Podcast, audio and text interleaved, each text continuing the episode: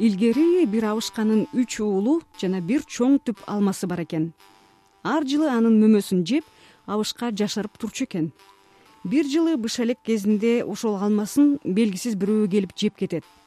Келээрки жылы абышканын улуу баласы күзөтүп отуруп түн ортосу ченинде уктап калып жегизип жибериптир. Андан кийин ортончусу күзөтүп ал дагы уктап калат. Абышка үчүнчү жылы кичүү баласына кайтыртат ал уктабастан куурай ойноп олтура берет. Бир убакта алтын куш келип алмага конуп алманы жей баштайт. Бала акырын барып канаттан алганда куш учуп кетип бир канаты үзүлүп колунда калат. Бала эртеси атасына куштун бир канатын алып келди эле атасы канатын таапсыңар эми өзүн тапкыла дейт. Кушту издемек болушуп абышканын эки уулу келишкен ат минип келишимдүү курал алып жүрүп кетет ошондо абышканын кичүү баласы мен да барамын деп атасынан уруксаат сурайт. Атасы макул болуп сары кунанын балага токуп берет. Бала жүрүп отуруп жол боюндагы кара ташка келип такалат. Кара ташта кара жазуу турат. Сол жакка баргандын өзү өлөт оң жакка баргандын аты өлөт. Ошондо сары кунанга тил бүтүп өлсөм өлөрмүн оң жакка бара бер дептир бала оң жакка түшүп отуруп бир токойдун ичине киргенде бир бөөрү качырып сала берет. Бала аттан түшө качат. Карышкыр атты басып калат. Аттан айрылып бир терекке жашырынып ыйлап олтурган балага карышкыр жетип келет. Бала коркуп кетет. Ошондо бөөрү коркпо мен сенин атыңды жедим. Эми тилегиңе жеткиремин деди. Издегеним алтын куш эле дейт бала. Анда карышкыр эми сен менин үстүмө минип көзүңдү жум дейт. Бала бөөрүгө минип көзүн жумду эле бөөрү нечен тоолорду ашып бир убакта көзүңдү ач деди. Бала көзүн ачса бир шумдуктай шаарга келишиптир. Ошондо бөөрү куш мына бул үйдө акырын барып бутунан албай канатынан кармап алып чык дептир.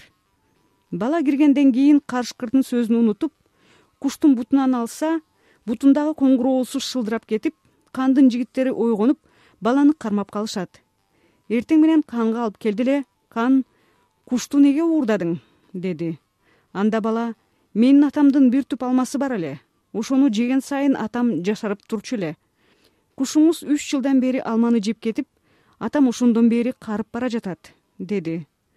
Кан атаңдын жумушунда жүргөн бала экенсиң. Сенин каныңды кечтим ушул жакта банча деген кандын бир сулуу кызы бар. Ошону алып келсең алтын жалдуу алтын куйруктуу атымды беремин деп бөөрүгө айтты эле анда бөөрү дагы үстүмө мин деди. Бала бөөрүгө минип көзүн жумду. Бөөрү жүрүп отуруп ач көзүңдү дегенде көзүн ачып эки жагын караса таң сүрүп калыптыр. Ошондо бөөрү сен ала албайсың эми мен барайын деп баланы ошол жерге таштап өзү жөнөп кетет бөөрү тамдан секирип түшүп алма жыгачына жашынып туруп кыздар жанынан өтө бергенде хандын кызын илип кетти. Жолдо келатып кыз менен бала бири бирине ашык болуп калат. Бала бөөрүгө экөөбүз айрылбайбыз ушунун ылаажысын тапсаң экен дейт. Ошону менен шаарга келишет. Бөөрү кубулуп баягы кыздан да сулуу кыз болот. Бала ханга айткан кызың деп кубулган бөөрүнү алып келди эле хан балага ыраазы болуп атын берет кыз менен бала андан ары кете беришет. Аңгыча бөөрү кыз менен баланын артынан жете келди. Үчөө алтын кушу бар хандын шаарын көздөй жөнөштү. Бала атты ханга алып барып берди эле хан ыраазы болуп ага алтын кушун берет. Бала алтын кушту колуна кондуруп алтын жалдуу атты минип сулуу кызды алып өз үйүн көздөй андан ары жөнөп кете берет. Бала үйгө кирип чоор ойноп берүүгө уруксаат сурап бер деп бир кемпирди атасына жиберет кемпир тыштан кирип бир бала чоор ойноп берейин уруксаатпы? деп сурап жатат дейт. Анда атасы кирсин балким менин кичүү баламдын күүсүн ойноор кирсин деди. Бала үйгө кирип чоор ойной баштайт.